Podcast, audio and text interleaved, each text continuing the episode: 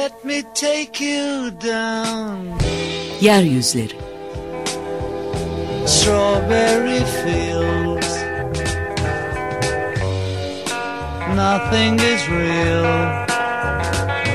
And nothing to get hung about. Strawberry fields forever. Kentin çeperi ve çeperdekiler Let me take you down, cause I'm going to.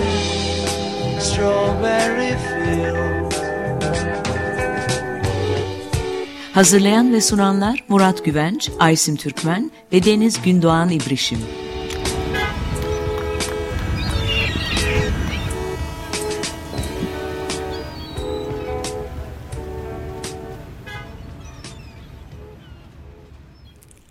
Merhabalar sevgili Açık Radyo dinleyicileri. Yeryüzlerine hoş geldiniz. Bugün Murat Güvenç ile beraberiz e, ve uzun uzadıya Ali Rıza Bey'den bahsedeceğiz. E, belki sahaflarda karşılaşmışsınızdır. Yeni baskısı da oldu sanırım ama böyle bir eski bir kitap. Bir Zamanlar İstanbul. Ve e, bu kitabın altında balık balıkhane nazırı Ali Rıza Bey yazar. Ee, şimdi bu kitapla e, ben kendi kütüphanemde de arada sırada karşılaştığımda e, acaba bu kitap e, nasıl bir kitap? Balıkhane nazırı diye bir adam varmış da neler yazmış diye merak eder dururdum. Sonra e, bu kitaba dikkatimi Murat Güvenç e, çekti ve e, şimdi de programda e, bu kitabı uzun uzadıya konuşacağız. E, Ali Rıza Bey'in Balıkhane Nazırlığından başlayalım isterseniz. E, neden Balıkhane Nazırı? Balıkhane Evet, Nazırlığı nasıl bir meslek? Şimdi balıkhane nazırlığı çok önemli bir meslek. Özellikle İstanbul tarihi, tarihi açısından çok önemli bir meslek. Ee, şimdi e, biliyorsun e, yani şöyle biraz önce biraz coğrafyadan başlayalım. Bütün Akdeniz havzasında balığın, balıkların böyle endüstriyel büyüklüklerde yani tonlarca balık tutulan iki tane yer var. Başka yerlerde balıklar çok küçük küçük partiler halinde tutuluyor. Yani balıkçılar küçük kayıkları ile şeye az, az, az açılıyorlar denize. Her kayıkçı balıkçı ailesinin bildiği tırnak içinde söylüyorum birer taş var. Taş denizin içinde. Yani taş dedikleri şey denizin dibinde balığın bol olduğunu bildikleri aileden aileye aktardıkları bir bilgi var tamam mı? O taşların yerleri de aileler bunu çok şey tutuyorlar, gizli tutuyorlar. Çünkü başkaları o taşların yerini bilmesinler diye. Altın madeni falan gibi, gibi bir şey. Yani. yani ailenin yerel bilgisi. Ondan sonra o bilgiyi kuşaktan kuşağa artık baba çalışamaz hale geldiği zaman devam edecek olan oğluna o taşı nasıl bulacağını söylüyor. O taşın yerini e, bulmakta kullandıkları teknolojiye de kerteriz almak veya nişan deniyor. Nişan almak diyor. Yani o nişan almak bir çeşit kodlar yani pusulayla yapılan bir takım kodlar. O kodları insanlar ezberliyorlar. O kodları ellerinde pusula oldukları zaman o pusulayla e, coğrafyadaki şeylere bakarak nişan oldukları yani nişan dedikleri mesela bir zeytin ağacı bir e, işte kilisenin kubbesi veya bir, bir işte caminin minaresi bir bilmem sarı ağaç bilmem ne gibi böyle bir takım şeyler var onlara nişan deniyor onları dikkate alarak o taşı buluyorlar denizin içinde orada balık avlıyorlar oraya bir işaret koyamıyorlar çünkü işaret koyarlarsa başkaları gelir orada oradaki balıkları bitirir diye ama bu sisteme şey olan yani bu sisteme uymayan, onun için Akdeniz çok e, inanılmaz derecede çeşitli balıklara sahip. Fakat hiçbirini çok büyük miktarlarda avlayam, avlama imkanı sunmuyor. Yani bir aile ancak kendi geçiniyor, yiyor. Birazcık da pazarda satıyor ama hiç kimse bu balıktan zengin olmuyor. Yani sanayiye bir Akdeniz'de bir balıkçılık sanayi olamıyor bir somon şeyi, olamıyor. şeyi olmamış Veya yani. Atlantik'teki gibi böyle gemiler aldı. Bunun iki tane istisnası var. Bir tanesi İstanbul Boğazı, bir tanesi de Messina Boğazı. İtalya ile Tunus arasındaki boğaz. Bu boğazlarda e, şeyler e, balıklar e, mevsimlik olarak göç ediyorlar. Akdeniz'de doğudan batıya, batıdan doğuya bir gidip gelme var. Ve o gidip gelme sırasında Mesine Boğazı'ndan geçiyorlar. İkincisi İstanbul Boğazı'ndan biliyoruz. Balıklar yazın yumurtlamak için Karadeniz'e çıkıyorlar. Havalar soğuduğu zaman da Karadeniz'den güneye iniyorlar. Ve İstanbul Boğazı o yüzden Karadeniz'deki bütün bu göçmen balıkları avlamak için şahane bir şey. Şahane bir yer. Ve İstanbul Boğazı ve Mesine Boğazı Akdeniz'de sanayi tipinde şey yapılabilecek, e, e, balıkçılık yapılabilecek iki tane önemli yer. Bunu e, Brodel Akdeniz kitabında özellikle belirtir yani şey olarak Akdeniz'de nerede balıkçılık yapılır diye. Peki balıkhane nazırlığı nereden geliyor? Şimdi 1870'lerde Osmanlı Devleti iflas ettiği zaman yani artık borçlarını ödeyip ödeyemeyip moratorium yani ben artık artık arkadaşlar borçlarımı ödeyemiyorum. Hepinizle konuşalım. Yani iflas ediyorum yani. Bu durumda e, İstanbul'a borç veren yabancı devletler veya o yabancı devlet bünyesinde Osmanlı Devleti'ne borç vererek karşılığını almayı bekleyen e, bu alacaklılar İstanbul'da bir idare kuruyorlar. Bu idareye Düyunu Umumiye İdaresi diyor. Yani bugünkü IMF gibi bir şey. Bu devlete para kaptırmış olanların paralarını geri almalarını garanti edecek bir idare. Bu idare e, Osmanlı İmparatorluğu'na diyor ki tamam arkadaşlar tamam yani olan oldu. Şimdi bu borçları geri ödememiz gerekiyor. Ama siz bu para, siz bu paraları toplamaya başladığınız zaman bol bol saray moray yapıyorsunuz. Ee, adamlar da hani paralarını veremiyorlar. Yani, yani size borç verenler paralarını geri alamıyorlar. Onun için biz şöyle bir sizle bir anlaşma yapacağız. Vergiler önce bize gelecek. Biz o vergi topladığımız vergiler bize gelecek. O vergilerden biz alacaklılara ödenecek olan borç taksitlerini düşeceğiz. Kalanı da size vereceğiz. Siz de bu parayla ne yaparsanız yaparız. Peki burada e, kaç tane yani e, burada seçtikleri mallar var. Yani bazı malların vergilerini biz alacağız diyorlar. Bunların içerisinde bunların içerisinde tabii tahmin edilebileceği gibi en önemlisi sigara, kibrit, tuz ve balık. Balık. Çünkü e, şeyin İstanbul'un en önemli e, yani en önemli e, gelir kaynaklarından bir tanesi de balık. Şimdi onun için şeyde Eminönü'nde bir balık pazarı var. Balık pazarında İstanbul'da tutulan bütün balıklar oraya getiriliyor. Oraya balıkhane deniyor. Bir de balıkhane nezareti var. Yani balıkhanedeki vergilerin toplanmasını şey yapan ona göz kulak olan, süpervize eden, orayı yöneten bir adam var.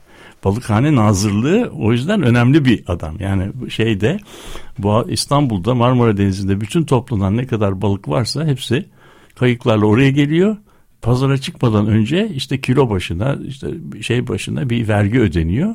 O vergiler de düğün umumiyeye gidiyor.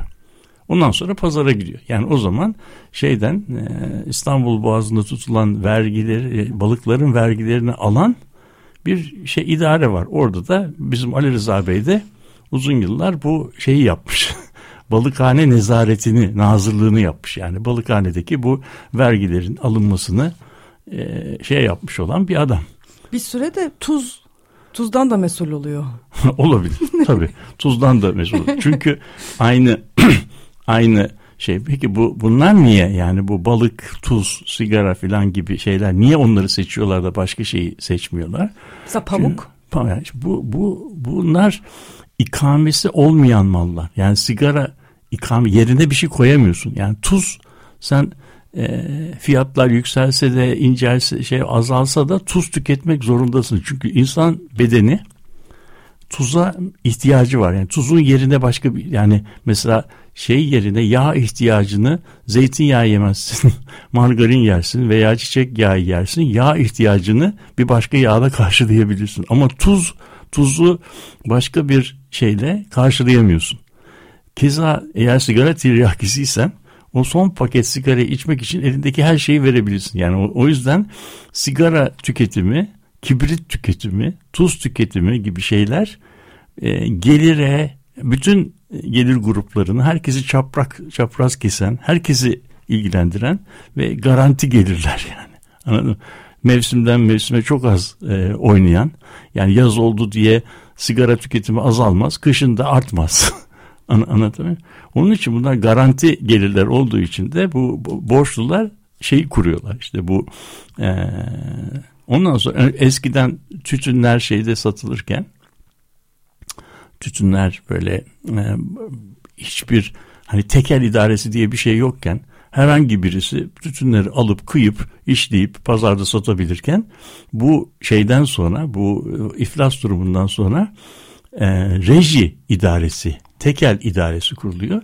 Devlet bunları e, satmaya baş. Devlet yerine bu ilk önce reji idaresi kullanıyor.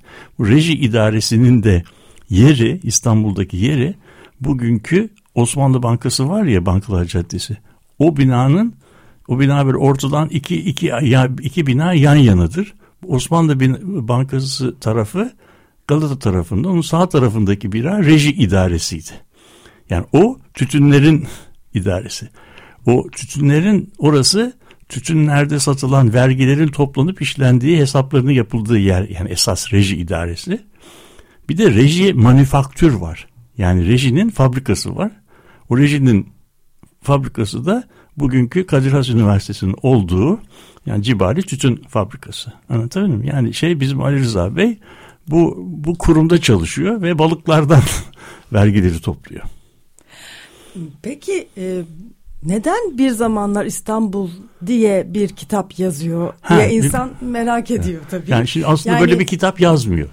Böyle bir kitap yazmıyor. Ee, bu kitabı sonradan başka birisi başka birisi. Hayır. Topluyor. 1910'lara filan geldiği zaman yani bu 1908 şeyinden sonra e, inkılapından sonra yani ikinci meşrutiyetten sonra İstanbul'da yayınlanan e, şeylerde e, gazetelerde es bir zamanlar İstanbul filan gibi böyle gazete yazıları yayınlanmaya başlıyor. Bu da o dönemi iyi izlediği için çok da çok önemli bir adam. Yani ben bunu e, parçaları biraz e, sevgili Alain Düben'le de konuştum. Yani bunlara bunlara biraz böyle mektepli olmayan bir antropoloji eseri olarak bakıyor ve çok kıymetlendi. Kendisi ya ben bunu nasıl atlamışım dedi. Okumaya başladı. Arada bir bana bunlarla ilgili not da atıyor. Yani çok önemli. Yani şimdi burada daha sonra da görebileceğim şey. İşte ben de bu önemli gördüğüm şeyleri e, paylaşmak istedim. Yani bu gazete yazıları da daha sonra e, böyle Ali Rıza Bey'in işte İstanbul'da İstanbul'la ilgili e, bir kitap olarak şey yapılıyor. E, derleniyor. Yani birazcık o, o dönemin ruhunu da e, anlatıyor. Çünkü bu Sermet Muhtar Alus'un da yayınladığı işte İstanbul Kazan Ben Kepçe filan gibi şeylerde böyle küçük 10 e, dakikalık filan e, gazete yazıları var. E, bunlar da çok şey hazırlanmış yazılar. Yani ben bunları okudukça şeye benzetiyorum. Pop müzik şarkılarına benzetiyorum. Bugünkü pop müzik şarkılarına. Çünkü bunlar işte 3 dakikalık, 5 dakikalık okuma parçaları yani küçük parçalar. Ama e, konuya İngilizlerin punchline yani gümrük gibi girmek üzerinden. Yani herhangi bir punchline deniyor. Bir şarkının bir e, pop müzik şarkısının birinci mısrağına punchline deniyor. Yani yum, yumruk yumruk mısrası. Yani vurucu o, olmak. Vurucu olmak. Yani küt diye böyle hiç beklemediğin e, anda hiç beklemediğin bir biçimde sana e, bir şey yani ne oluyor burada dedirtecek bir şekilde. O yüzden bu yazıların hepsi aslında iki yazı birbiriyle çok ilgili değil. Yani yazılar bir konudan bir başka konuya sıçrayabiliyor. Ama hangi konuyu ele alırsa alsın o konuya böyle küt diye ilgi çekici bir biçimde giriyor. O konuyu geliştiriyor. Ondan sonra da inanılmaz bir gözlem kabiliyeti var. O gözlem kabiliyetiyle de yazıyı işte 3-5 dakika sonra bitiriyoruz. Ama yani ben bunları okuduğum zaman doğrusu e, yani resim veya e, gündelik hayata dair hiç okumadığımız ve bizim işte yani bilimsel kent tarihi yazılarında hiç tanık olmadığımız gündelik yaşama e, dair, ağızlara dair, pek aktarılmayan şeylere dair muazzam şeyler görüyoruz. Yani Ali Rıza Bey'in de biraz böyle ilginç bir şeyi var. Yani biraz kitabı iyice derinlemesine okuduğumuz zaman belki o da belli olacak biraz şeyde.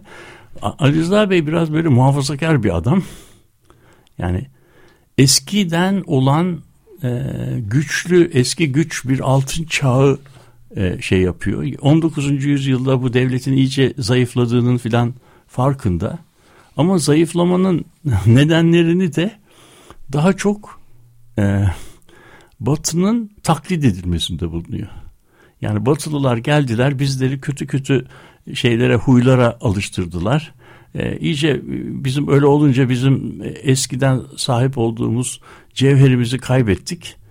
Böyle daha böyle çıt kırıldım şey bir millet olduk diyor mesela böyle bir şey. Yani burada burada böyle kadınlarla ilgili olan e, yazılarını bugün tabii beyazcıları okuduğumuz zaman bizi taşa tutabilirler. Çünkü sanki hani biz biz onları sanı, savunmuyoruz tabii de yani o dönemin e, muhafazakar e, bakış açısı başını yansıtı yas, yas, yani burada kente e, bakış açısı. Kentte günde, günde gündelik yaşama işte gelin kaynana kavgaları nasıldı işte doğumlar nasıl olurdu işte düğünler nasıl olurdu nasıl heyecan nasıl bir şey oluyordu nasıl bir e, kamu alanı pratikleri vardı filan. On, onlar o konuda bize çok e, ipuçları veriyor. Ama bir taraftan da bir taraftan da e, mesela Tanzimat öncesi veya e, işte 19. yüzyılda Sultan Abdülhamit zamanında, Abdülmecit zamanındaki reformlardan önce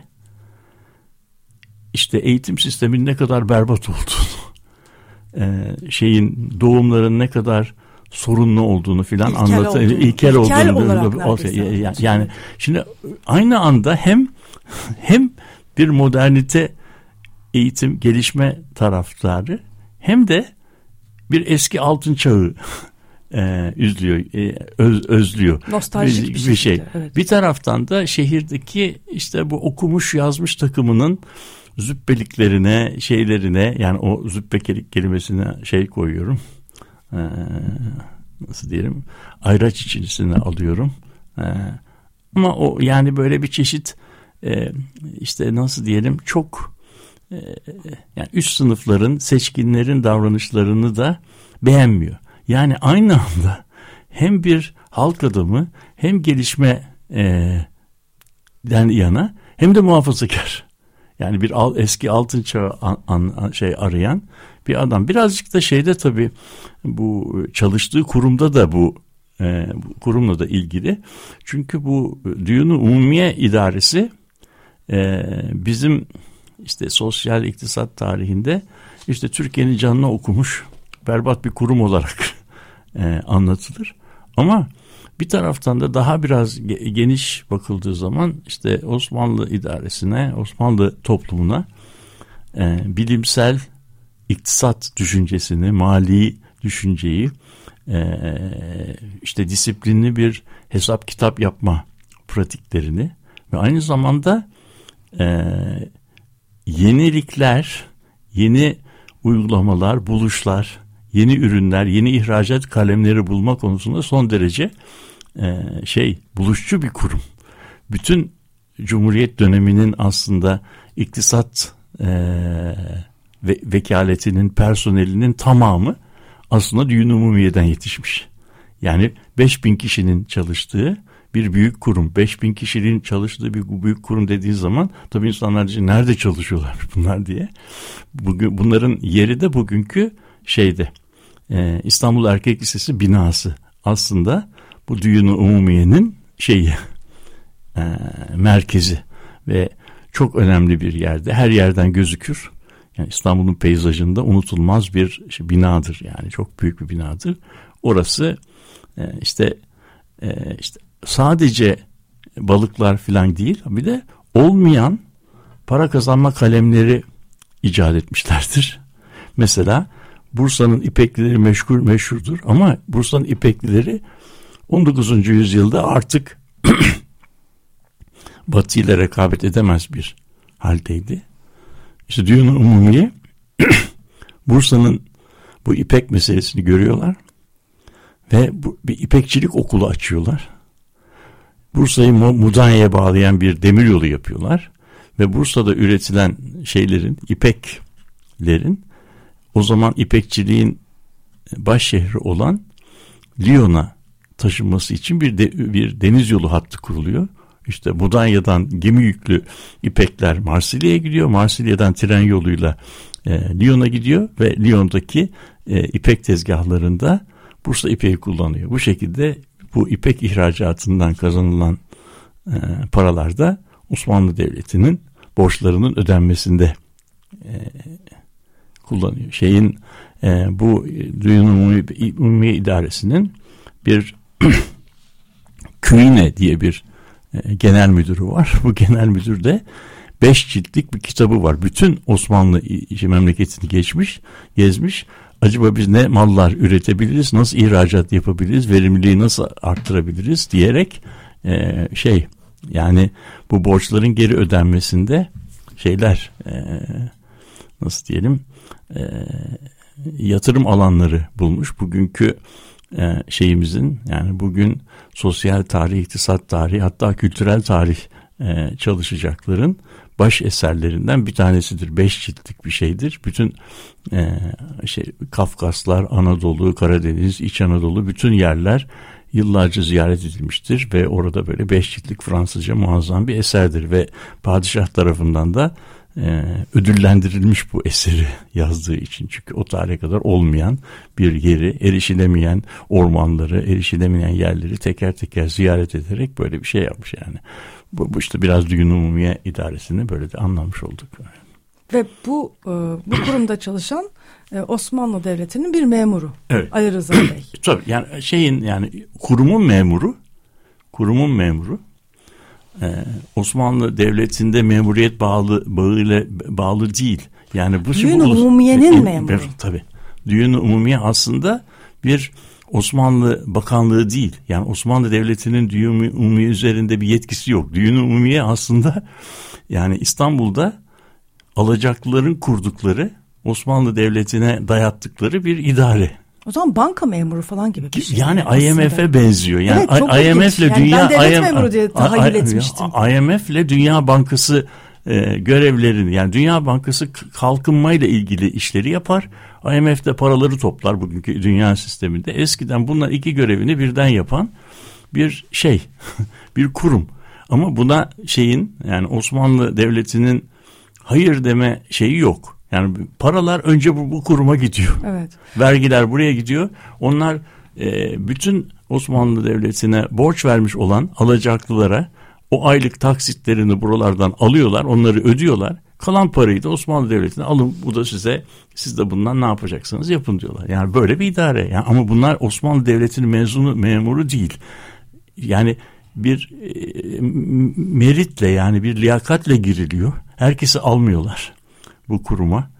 Yani işte dil bilmen lazım, biraz muhasebeden anlaman lazım filan. Kendi içinde bir takım şeyler var. Yani mesleki gen, şey, gelişme şeyleri var. Bir uzmanlık. Uz, uzmanlık yani ve burada işte İsteniyor e, tabii yani. yani bu, burada önemli. burada şey öğreniyorlar. Yani burada aynı zamanda eski usul e, mülkiye memurluğu yerine yeni bir yeni usul bir iktisat bakanlığı e, uzmanlığı gibi gelişiyor. Burada ipek uzmanları var, balık uzmanları var, tuz uzmanları var. Yani tuz vergisini aldıklan almakla yetinmiyorlar. Aynı zamanda biz bu tuzla daha ne kadar iyi yapabiliriz ki daha fazla para kazanalım, daha hızlı paraları geri alalım. Anlatabildim mi? Yani inovatif bir tarafı da var. Onu anlatmak istiyorum. Şimdi bu e, tam bundan bahsederken e, siz e, aklıma şey geldi bu e, Fransız Fransız Ticaret Odası'nın çıkardığı bir yayın var.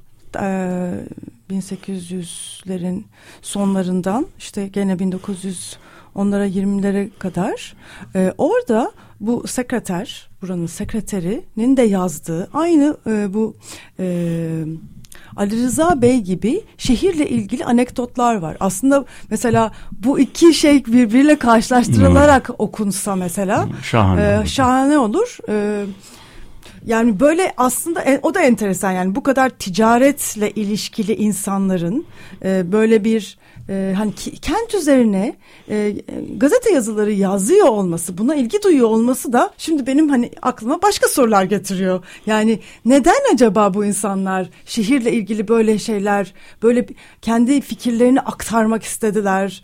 Nasıl bir e, hayal ortamı vardı da hani ne hmm. bir tanesi Fransız ticaret odasının hani gayet hani orada da aynı şekilde sizin bahsettiğiniz gibi demin Duyunu Umumiye'nin bambaşka bir çeşidi yani Fransızlar burada nasıl ticaret yapsınlar nasıl ticari ilişkilerini geliştirsinler diye çalışan bir adam. Evet. E, bunun için bir gazete çıkartıyor bir yayın organı çıkartıyor e, bununla ilgili ve kendisi o kadar alakasız hani bu, bu gazetenin ticari içeriğiyle alakasız şeyler yazıyor. Yani modalardan bahsediyor, şapkalardan bahsediyor. Aynı Ali Rıza Bey gibi işte e, dedikodulardan bahsediyor. Evet. Hani okurken insan ya inanamıyor yani hani böyle yani ciddi bir makamdan bahsediyoruz. Hani evet. balıkhane nazırlığı gibi bir evet. makam belki daha da e, belki daha da hani e, ciddi şey. o anlamda. Ama o dedikoduları anlatmaya doyamıyor sanki. Hani evet. sanki bıraksa bıraksanız Evet. E, bırakacak kendi ticari sekreterliğini ve gidip sadece bunlarla uğraşacak. Evet yani Ali Rıza Bey'de de aynı duygu tabii. var. Yani Ali Rıza Bey neden bu kadar meraklı şimdi bugün anlatacağımız e, şeylerde metinlerde biraz neye benzediğini? Yani bunun ne iktisatla ne e, balıkhane nazı ne vergiyle filan hiçbir alakası yok. Yani belki o yaptığı işte çok canı sıkılıyordu. Bilmiyoruz. Yani o balıkhane nazırlığı yani balıklar geliniyor satılıyor. Ne kadar vergi alınacağı belli. O da belki orada bakıyor. Yani hani bir, bir çok böyle etki yani belki ilk para kazanılan bir şey süpervizörlük gibi bir iş yani. Böyle bir yani emin önünde balık pazarında balıkların satılmasında insanlar vergileri alıyorlar paraları alıyorlar.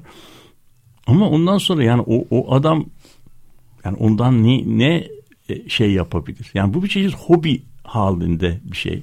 Bir çeşit halk popüler antropoloji gibi bir şey. Yani bu adam antropolojiyi böyle şey kesmiş. Yani böyle nasıl diyelim e, alaylı olarak antropolojiyi antropolog antropolojik bir metin yazmayı e, kendi kendine keşfetmiş. Yani, yani. şimdi düşünürseniz antropolojik e, hani e, saha çalışmaları bile en fazla üç sene İki sene, üç sene sürer. Bakarsanız yıllarca yapıyor. E, yani tabii. bu da çok enteresan. E, tabii yani, yani bu orada burada şey yapıyor. Yani, yani burada, hani burada evet. çok değişik alanlara yıllarca bakmaya devam ediyor. Yazmaya devam ediyor. Ha, yani niye? Evet, hani İstanbul... Jiro da böyle. O da çok evet. ilginç. Yani ha. bu hani bu süreklilik de dediğiniz bu süreklilik de çok enteresan. Yani Şimdi tabii o niye erte niye çok e, e, enteresan yani o, o o o enteresanlık biraz böyle şey e, işte bu oryantalizmle çok ilgili bir şey.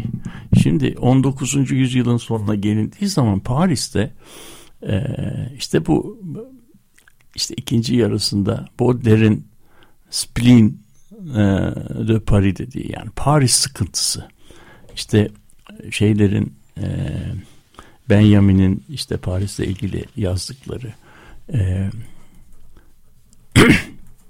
İstanbul'a gelen seyyahların şeyleri. Pierre Loti'nin mesela İstanbul'la ilgili olan e, yazıları. Amici. E, Amid, Edmondo de Amicis'in İstanbul kitabı. Nerval. Nerval. İşte bunlar hepsi İstanbul'a. Şimdi ama burada mesela Pierre Loti, Pierre Loti Dünya Başkentleri diye bir ansiklopedi diye bir madde yazmış. O maddeyi de sen İstanbul'u iyi biliyorsun. İstanbul maddesini çok sen yaz demişler. Pierre Loti İstanbul maddesini yazarken yani İstanbul'un yangınlarının ne kadar güzel olduğunu anlatıyor. Yani yangının güzel olduğunu şey yapabilmek yani yangında insanlar bir yangın bir felaket biz bir yangın olmamasını e, iste, isteriz yani. Ama o diyor ki yani burada diyor henüz iyi bir etfaiye teşkilatı yok. Yangın yandığı zaman mahalleler yanıyor. Mahalleler yandığı zaman gece yarısı gökyüzü böyle kıpkırmızı bir takım ışıklara şey yapıyor. Yani adam o e, Paris'te göremediği e, spektaküler böyle bir e, urban e, kentsel peyzajı İstanbul'da görüyor. Aynı zamanda şeye karşı e, mesela Orient Express gibi bir tren yolunun Yapılmasına karşı. diyor ki yani biraz biraz bu tren yolunu yaptılar diyor. Şimdi Paris'te canı sıkılan atlayacak buna. Üç gün sonra İstanbul'a gelecek. E İstanbul'un bütün şeyi kan. Biz eskiden buraya gelirken neler çekiyorduk diyor. Önce bilmem şu Tuna'ya gidiyorduk. Orada 15 gün Tuna'da şey yapıyorduk. Bükreş'ten, Köstence'den gemiye. Yani biraz hani eskiden Bodrum çok bozuldu var ya. Herkes Bizim- geliyor çünkü. Herkes geliyor. Yani işte herkes geldiği zaman Bodrum çok bo- bozuluyor. İşte onu, onu engellemek için öyle bir şey yapıyor. Yani. Ya Böyle bir gelenek var yani aslında Tabii, biraz- seyahatname biraz- geleneği ne- var. Ona O- ilişkin ama orada. Oryantalist seyahatname geleneği ama tabii bu e, daha çok 18 1800 yıllı yılların sonlarında Son, e, olan e, e, biz- halbuki Ha, ya işte bu- yani Ali Rıza Bey 1920'lerde yazıyor ama böyle bir Ama- gelenekte ama- var ve böyle bir ilgi çeken e, yani gazetelerde seri olarak yayınlanan e, yani dünyada böyle bir akım da var. Bunu da atlamamak. Tabii. Ahmet Rasim de işte yapıyor Tabii. bunu. Ama şey Sermet Dediğiniz Nasır, gibi işte, Sermet Muhtar e, Alus da ama buradaki metinler genellikle Sermet Muhtar bin Alus sek- yapıyor. 1870'leri 80'leri anlatıyor. Yani ge- genellikle olarak yani bunlar yazıldığı dönemde eski İstanbul'u anlatıyor. bir zamanlar Bir İstanbul'u zamanlar- anlatıyor. Yani, aslında yazıldı- kendi dönemini anlatmıyor. anlatmıyor. Onu da e, evet vurgulamak gerekiyor. 1920'de Nerede yazıyor, çünkü. Ama 1870'leri anlatıyor. 1870'leri yani ilgi anlatıyor. çekebilmesi için yani 1800 1920'lerde artık İstanbul tramvayları, elektriği bilmem nesi olan modern bir metropol. Yani o, o metropolde olmayan bir şeyleri anlatma, anlatarak okuyucunun ilgisini Yani çekebiliyor. aynen Pierre Loti'nin işte Nerval'in aslında yaptığı tarz böyle bir egzotik Egzotik bir şey, bir şey, yaratmak, egzotik. nostaljik bir Bu şey i- yaratmak. içeriden, içeriden bir nostalji yaratmak. İçeriden Bir de- bir oryantalizm. Yani. Ee, bir de bakın böyle geleneklerimiz Vardı, vardı. evet. Keşke muhafaza edebilseydik Edebilseydik gibi filan bir gibi. ideolojik Evet. muhafazakar ideolojik Ama burada da tabii yok bunu değil. yaparken e, bir laf vardır. Yani Türkiye'de bu tür bu tür metin yazmak çok nadirdir. Bulduğumuz zaman da çok kıymetli oluyor.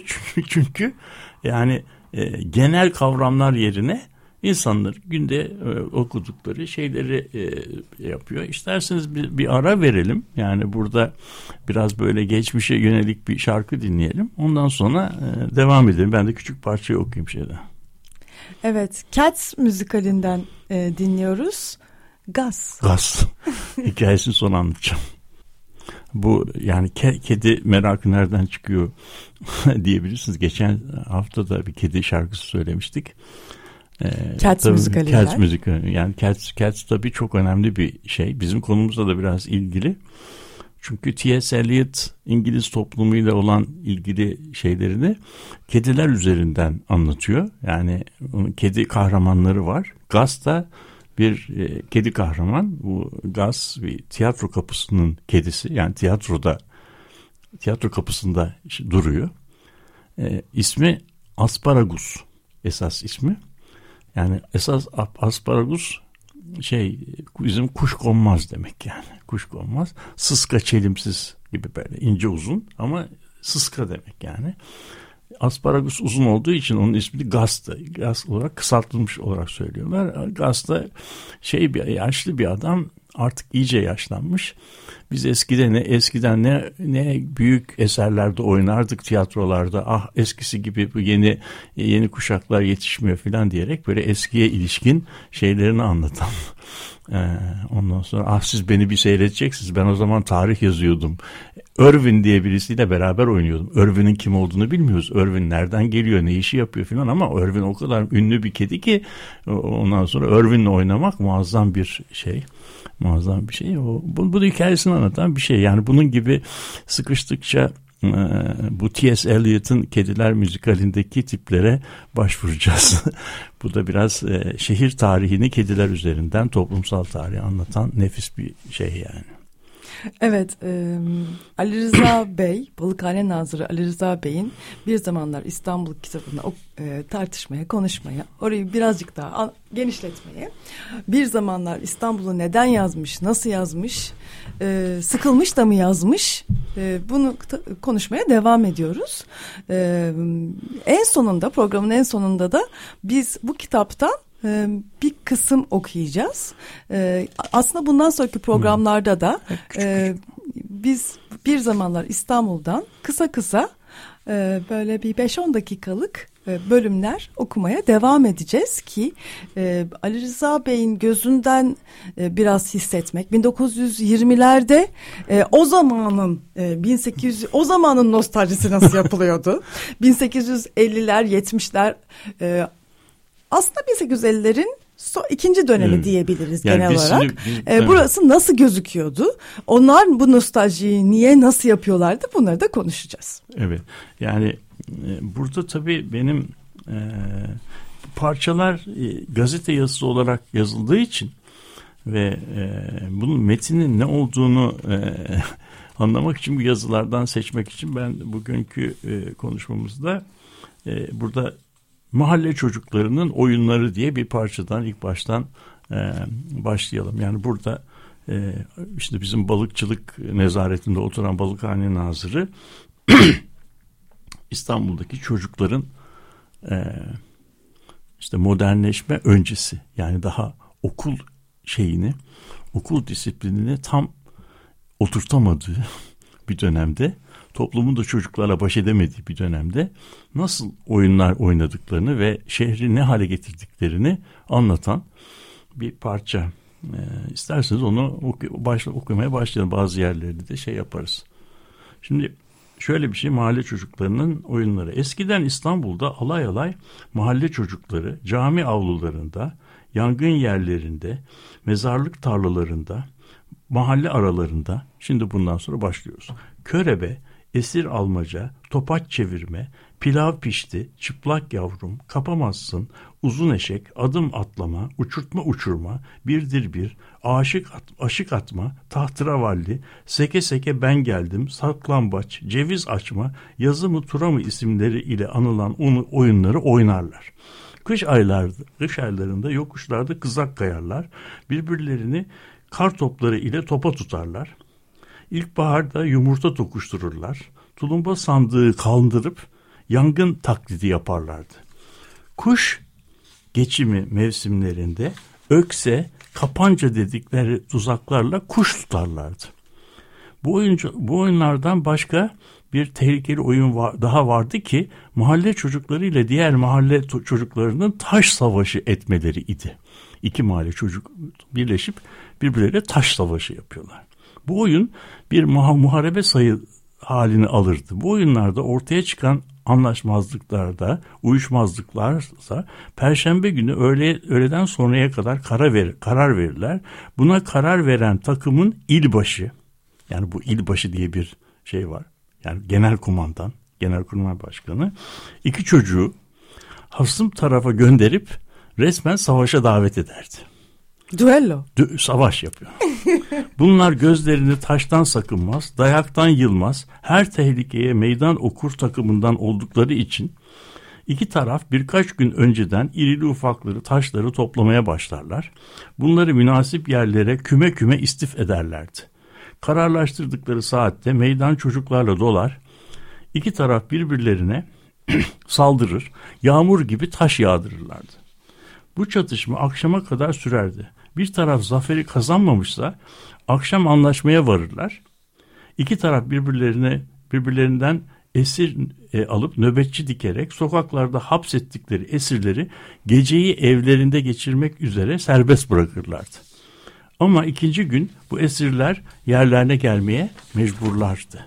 Ertesi gün sabahleyin erken saatinde savaşa tekrar başlanırdı. Medet Allah iki tarafta kumandalar, çığlıklar, haykırmalar dünyayı tutar. Taşlar kar tipisi halini alır. Bir saldırır giderdi. Evlerde camlar kırılır, kadınlar avazları çıktığı kadar haykırır. Sonunda bir tarafta yenilgi baş gösterir. Yenilenlerin her biri bir tarafa kaçar. Kazananlar oyunun merkezine eleri geçirirlerdi. Bu, zaferin neşesi sonsuzdu. Civer mahalle çocuklarına da haber salınır. Çocuklar arasında kimlerin ne gibi yarat- yararlıklar gösterildiği anlatılırdı. Çatışma başı yarılan, eli burkulan, yaraları kanayanlar yaralarını mendil ile bağlar, yaptıklarını annelerin babalarından saklayarak sokakta düştüklerini söylerlerdi.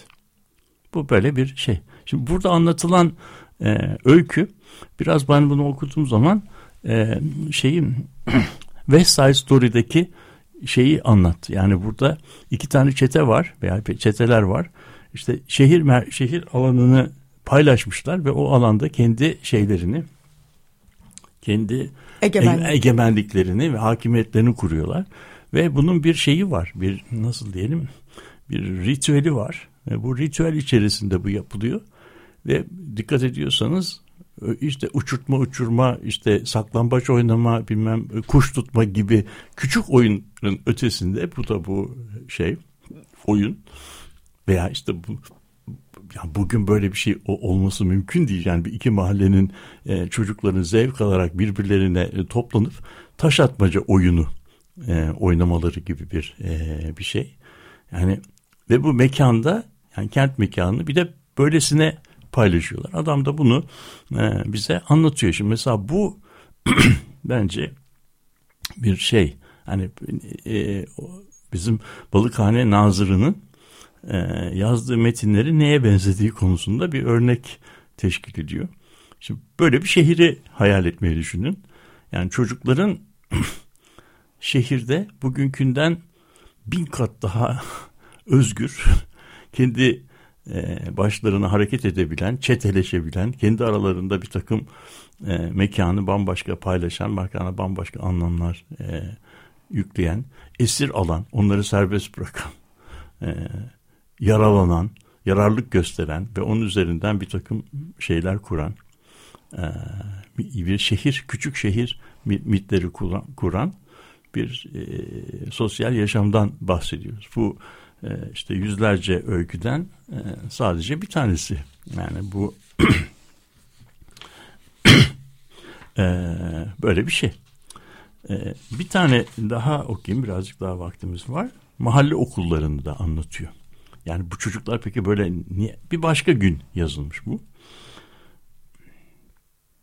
Mahalle okulları. Yani çocuklarımızın sokak yaramazlıklarının başlıca sebebi okullarımızın intizamsızlığı idi. Çünkü Sübyan okullarının çoğu vakıftı. Yani vakıflar tarafından şey yapıyor. Yani bir bakanlık tarafından değil de birer sivil toplum kuruluşu üzerinden şey yapıyordu. İmamla beraber Kur'an-ı Kerim'i ezberlemiş, hafız olmuş öğretmenler idare ederlerdi. Ama hafız olamamış öğretmenler de babalarından kendilerine geçen öğretmenleri, öğretmenliği başlarına bir sarık sarmak suretiyle yaparlardı. Bir de ikinci düzey kalfa denen işte bunlar ikinci kuşak öğretmenler var. Bu Sübyan okullarının kalfa adı verilen iki de öğretmen yardımcısı vardı. Bu kalfalar da geçinebilmek için kayırılmış cahil kimselerdi. Ee, bunlar zengin çocuklarına yüz vermekle yüzsüz, fakir çocuklarına da hırpalayarak, hakaretlik ederek arsız yaparlardı. Yani zengin çocuklarına yüz verip onları yüzsüz yapıyorlar. Fakir çocuklarını da dövüyorlar. Onlar da arsız oluyorlar. Yani şimdi şeyin e, bizim Ali Rıza Bey'in e, bir değerlendirmesi. Kalfalar hafta başı olan cumartesi günleri haftalıklarını almaktan başka bir şey düşünmezlerdi. Yani paralarını almaktan başını düşünmezlerdi. Haftalıklarını getirmemiş çocukları bakın dikkat ediyorsanız kalfanın parasını da çocuklar veriyor bir, bir yerden maaş almıyorlar. Yani kal, yani aileler hocaların parasını çocuklar üzerinden şey yapıyorlar. Çocuk parasını getirme haftalıklarını getirmemiş çocukları da sıkıştırıyorlar. Niye paranı getirmedin diye. Bu yüzden başları ağrıyan ana baba ne yapıp yaparak kalfaların haftalıklarını temin ederlerdi. Çocuklar okusa da olurdu, okumasa da oluyor. Okula gidiyordu ya, bu yeterli. Hoca ve kalfalar çocukların dersleriyle fazla da ilgilenmezlerdi. Yalnız her çocuk okula getirildiği gün anne ve babası öğretmen hocaya eti senin kemiği benim der. Bu laf oradan geliyor. Bizim şey. Yaramazlık yapan çocuk hemen falakaya yatırılırdı. Falakada çocuğun ayaklarını iki kişi tutar ondan sonra falaka. Biraz atlayalım. Okulların çoğu, çoğu bir katlı bina idi. Dört taş duvar, toprak bir oda, içinde sıra sıra dizilmiş rahleler, çocuklar bu rahle önünde karşılıklı evlerinden getirmemiş, getirmiş oldukları minderler üzerinde oturuyorlar. Yani çocuklar okula minderlerini de götürüyorlar. Hocanın parasını da veriyorlar. Öğretmenin yeri köşedeydi. başucunda uzun bir sırık ile değnekte asılı dururdu. Sırık da oturduğu yerden çocukları dövebiliyordu. Yani çocukları dövmek için yerinden kalkması da gerekmiyor. Kalfalar ise birer köşede e, otururlardı. O zamanlar çocukların hava almaya bahçeye çıkmaları adet olmadığından yüzlerce çocuk sabahtan akşama kadar kafese tıkılmış kuşlar gibi tıkılı kalırlardı.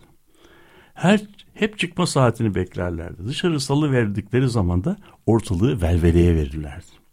Bazı aileler çocuklarını haylazlıktan kurtarmak için 5-6 yaşındayken esnaf yanına verirlerdi. Ve tabi cahil kalırlardı. Bir de babalarımız çocuklarının terbiyesine diz çöküp utangaç bir halde oturmalarında gördüklerinden mesela 15 yaşına gelmiş bir çocuk konuşmalara karışır da soru sorarsa büyüklerin sözüne karışılmaz diye azar işitirdi. Bundan dolayı kocaman birer delikanlı olan gençler iki kelimeyi bir araya getirip konuşamazlardı. Bu şeyin e, Ali Rıza Bey'in işte çocukların sokak savaşları ve eğitimleri hakkında yazdığı iki küçük küçük şeyden e, yazıdan e, parçalar okudum. Şimdi e, siz okurken e, bir yandan hani bir nostaljik bir şey var. Hani ah ah hani ne günlerdi diyen bir şey var. Diğer yandan da, da eleştirel. çok eleştirel. Ee, yani neredeyse aşağılıyor aslında. Yani evet. hani e, objektif bir eleştirellik de değil. Yani o dönemin şartları içinde hiç bakmayan e, aslında kendi olduğu dönemden bakan e, hiçbir tarihi şeyde olmayan bir perspektifle bakıyor. E, e, programın ilk bölümünde bahsettiğim gibi Giro'nun aslında anlatısına da çok benziyor bir yandan da. Yani orada da böyle hani işte burası da böyle yani bir yandan böyle ah İstanbul'u yaratmaya çalışıyorlar kafada. O spektaküler hani cazip e, yabancılara ya da e, şehirde var olan insanlara ilginç gelecek bir gazete anlatısı olarak yazıyorlar. Ama diğer yandan da ay şurası böyleydi, ay burası böyleydi. Hani böyle ay ay ay diyen de başka türlü bir e, şey var. Ve bu nostaljik bakış açısını bir gördüğümüz zaman diliminde aslında 90'lar İstanbul'u 90'lar dönemi Türkiye'si İstanbul değil de Türkiye'si diye hatırladım. E, 90'larda da böyle bir inanılmaz bir İstanbul nostaljisi başlamıştı. E, Osmanlı, Osmanlı'ya hatta böyle evlerin e, bazı köşelerinde şark köşeleri falan yapmaya başlamışlardı. Böyle e, eski fotoğraflar. Oryantal, o, o, o Osmanlı'yı bir antika e, zevk haline getirmek gibi bir şey vardı. Yani aslında ne kadar da benziyor bir yandan da.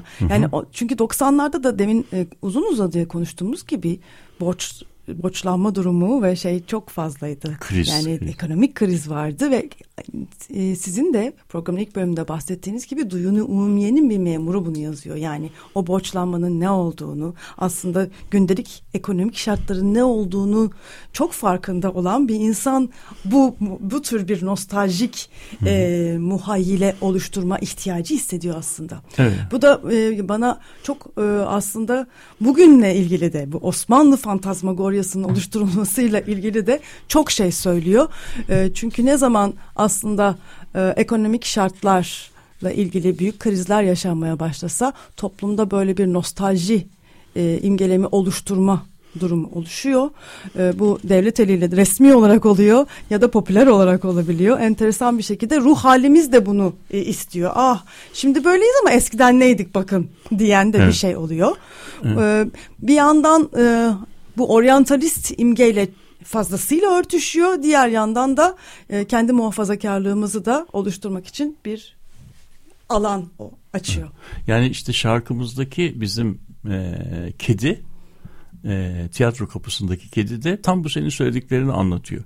Yani eskiden eskiden tiyatro bir başkaydı. E, biz ben orada tarih yazıyordum. Irvin'le beraber bile sahneye çıkmışlığım vardır kuyruğumla ve e, sırtımla ne hareketler yapıyordum. İşte bir sahnede tehlikedeki bir çocuğu e, ölümden kurtarmışlığım bile vardır. Yani böyle bir şey e, geçmişe dair bir anlatı ama bir taraftan da eleştiri var. Yani eleştiri de tabii çok e, yoğun bir şekilde kendini belli ediyor. İşte bunun gibi e, ayda bir iki defa veya iki, bu, bu tür küçük okuma parçaları yapacağız. Benim kötü sesimle belki sen daha güzel okursun bu parçaları. Peki. Evet bu haftalık da bu kadar. Yeryüzlerinde iyi haftalar diliyoruz.